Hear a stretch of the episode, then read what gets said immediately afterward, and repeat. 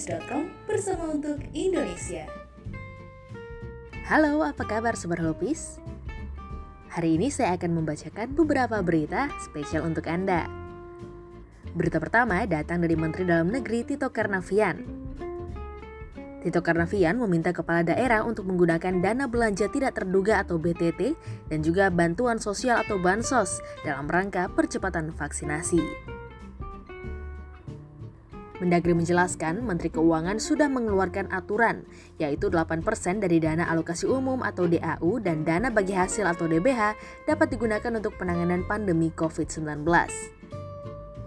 Dalam beberapa hari menjelang berakhirnya tahun 2021, demi tercapainya target 70% pelaksanaan vaksinasi, Mendagri melihat masih ada sisa anggaran dari APBD yang bisa dialokasikan untuk percepatan vaksin. Karena itu, Mendagri meminta para kepala daerah agar menugaskan Sekda dan Kepala BPKAD untuk mengecek sisa anggaran setelah refocusing 8% DBH dan DAU. Lebih lanjut, Mendagri menekankan surat edaran Mendagri bisa jadi payung hukum untuk tidak lagi ragu menggunakan sisa pos BTT dan Bansos untuk mendukung pelaksanaan vaksinasi. Kita lanjut ke kabar berikutnya terkait Natal dan Tahun Baru. Polda Metro Jaya menegaskan larangan pergelaran petasan dan kembang api saat malam perayaan Tahun Baru pada 31 Desember mendatang. Untuk antisipasi, Kabir Humas Polda Metro Jaya Kombes Ez Zulpan mengatakan polisi akan melakukan penyisiran terhadap para penjual petasan dan juga kembang api. Zulpan pun menambahkan bahwa perayaan malam pergantian tahun baru di Jakarta dilarang karena saat ini masih dalam situasi pandemi COVID-19. Jam operasional kafe dan tempat hiburan dibatasi hanya sampai pukul 10 waktu Indonesia Barat saat malam pergantian tahun. Di Telantas Polda Metro Jaya juga akan menerapkan crowd free night di malam pergantian tahun di 10 kawasan. 10 kawasan itu adalah Jalan Sudirman Tamrin, kawasan Kemang, kawasan Bulungan dan Barito, Senopati Gunawarman SCBD, Jalan Asia Afrika, Kota Tua, Banjir Kanal Timur, Kemayoran, Kelapa Gading, hingga Monas. Masih berita nasional terkait Jakarta yang dilanda hujan badai. Hujan yang disertai angin kencang di Jakarta telah menyebabkan 27 pohon tumbang di 25 wilayah Jakarta Barat.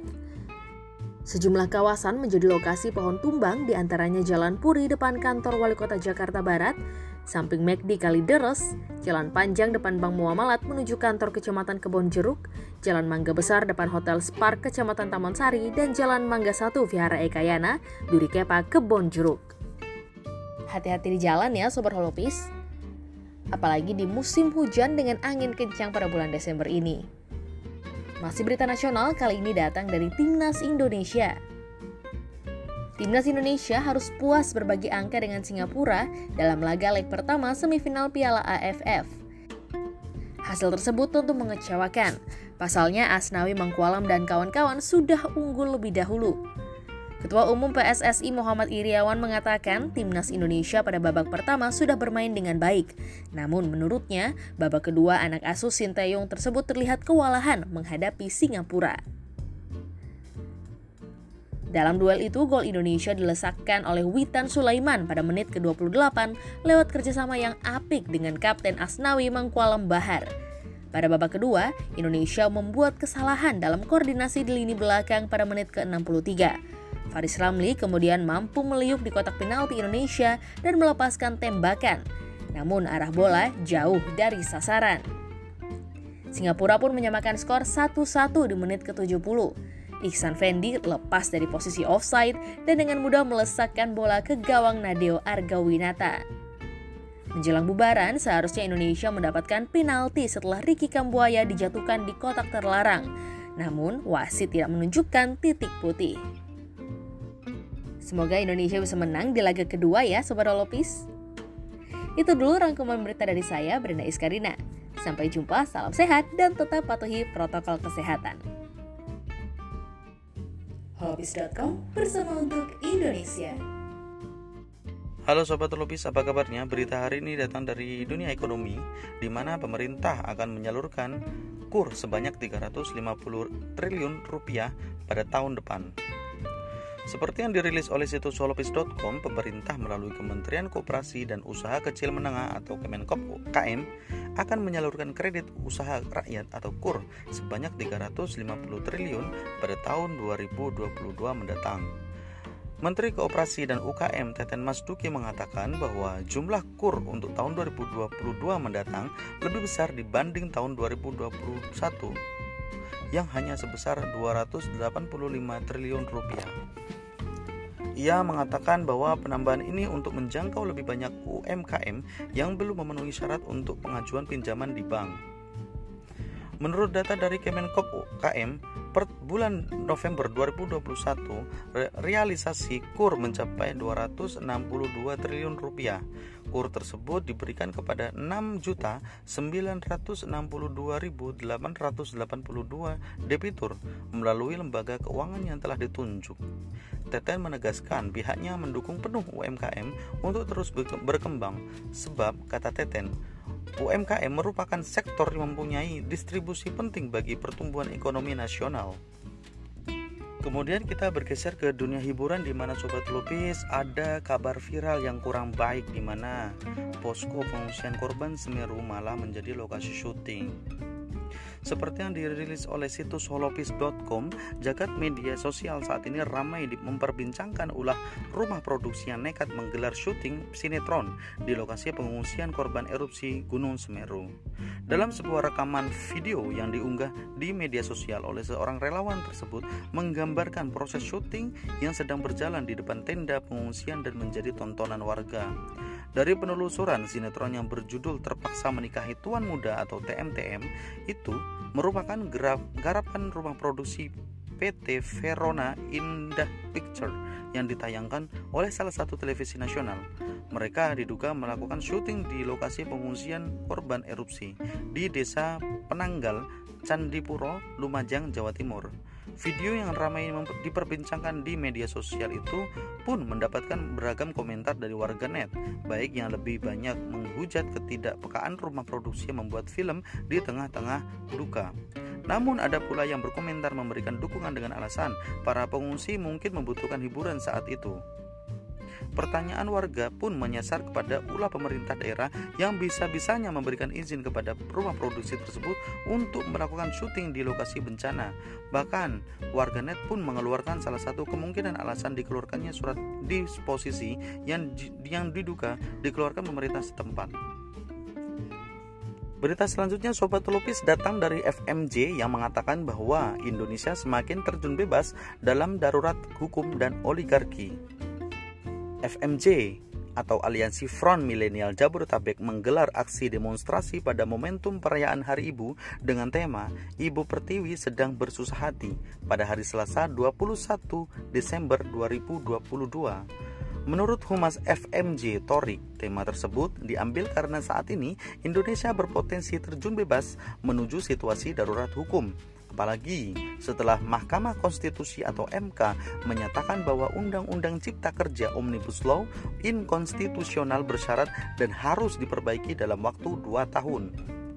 Torik mengatakan bola panas Undang-Undang Omnibus Law yang dikembalikan kepada pemerintah dan DPR untuk diperbaiki berpotensi Indonesia semakin terjun bebas dalam darurat hukum dan darurat oligarki yang bermental korup serta menghalalkan berbagai cara.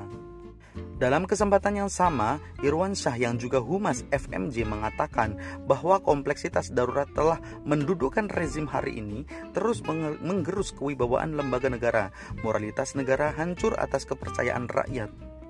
Ia mengatakan peristiwa kekerasan dan pemaksaan serta sembunyi-sembunyi dalam pengesahannya ketika itu dari RUU menjadi undang-undang akan membawa sejarah undang-undang Omnibus Law yang inkonstitusional bersyarat mencaplok undang-undang sebagai alat ujinya atas undang-undang dasar yaitu Undang-Undang Nomor 12 Tahun 2021 Selamat datang darurat hukum yang akut di mana selamat datang fundamental non terabaikan dan darurat hukum membawa titik rendah pelemahan Pancasila sebagai sumber dari segala sumber hukum.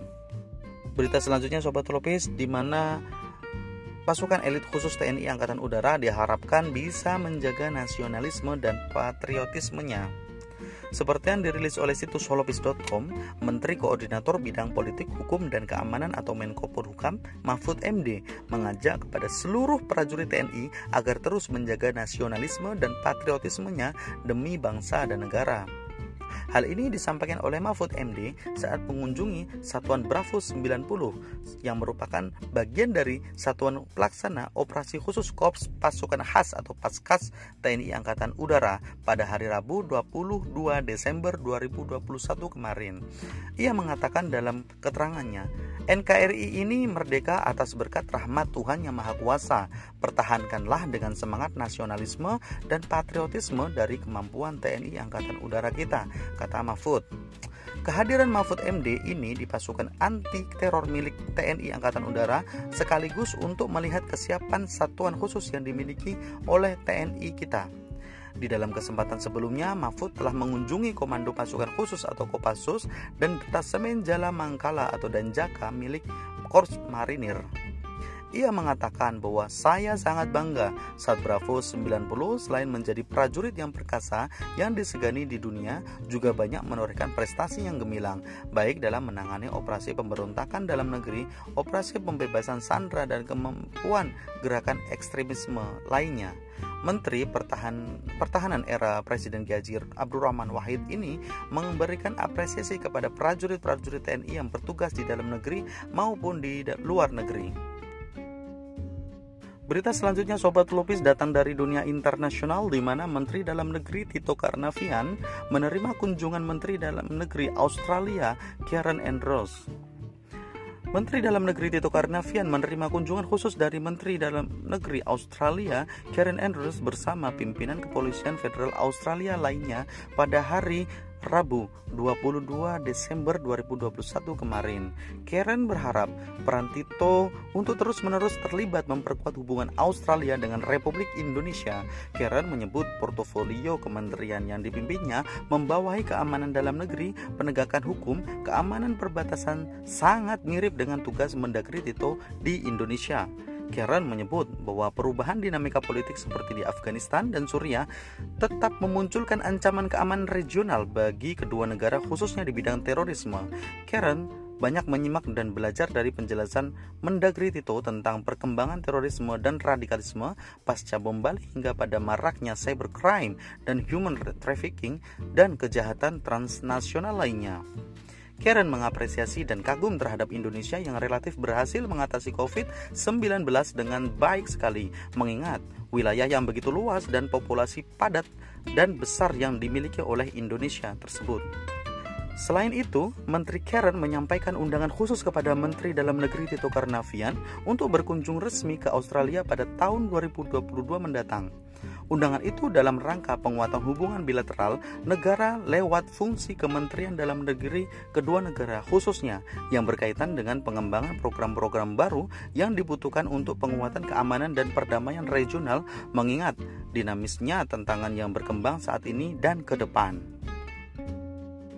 Demikian Sobat Holopis, berita selengkapnya bisa kalian temukan di situs kesayangan kita, holopis.com.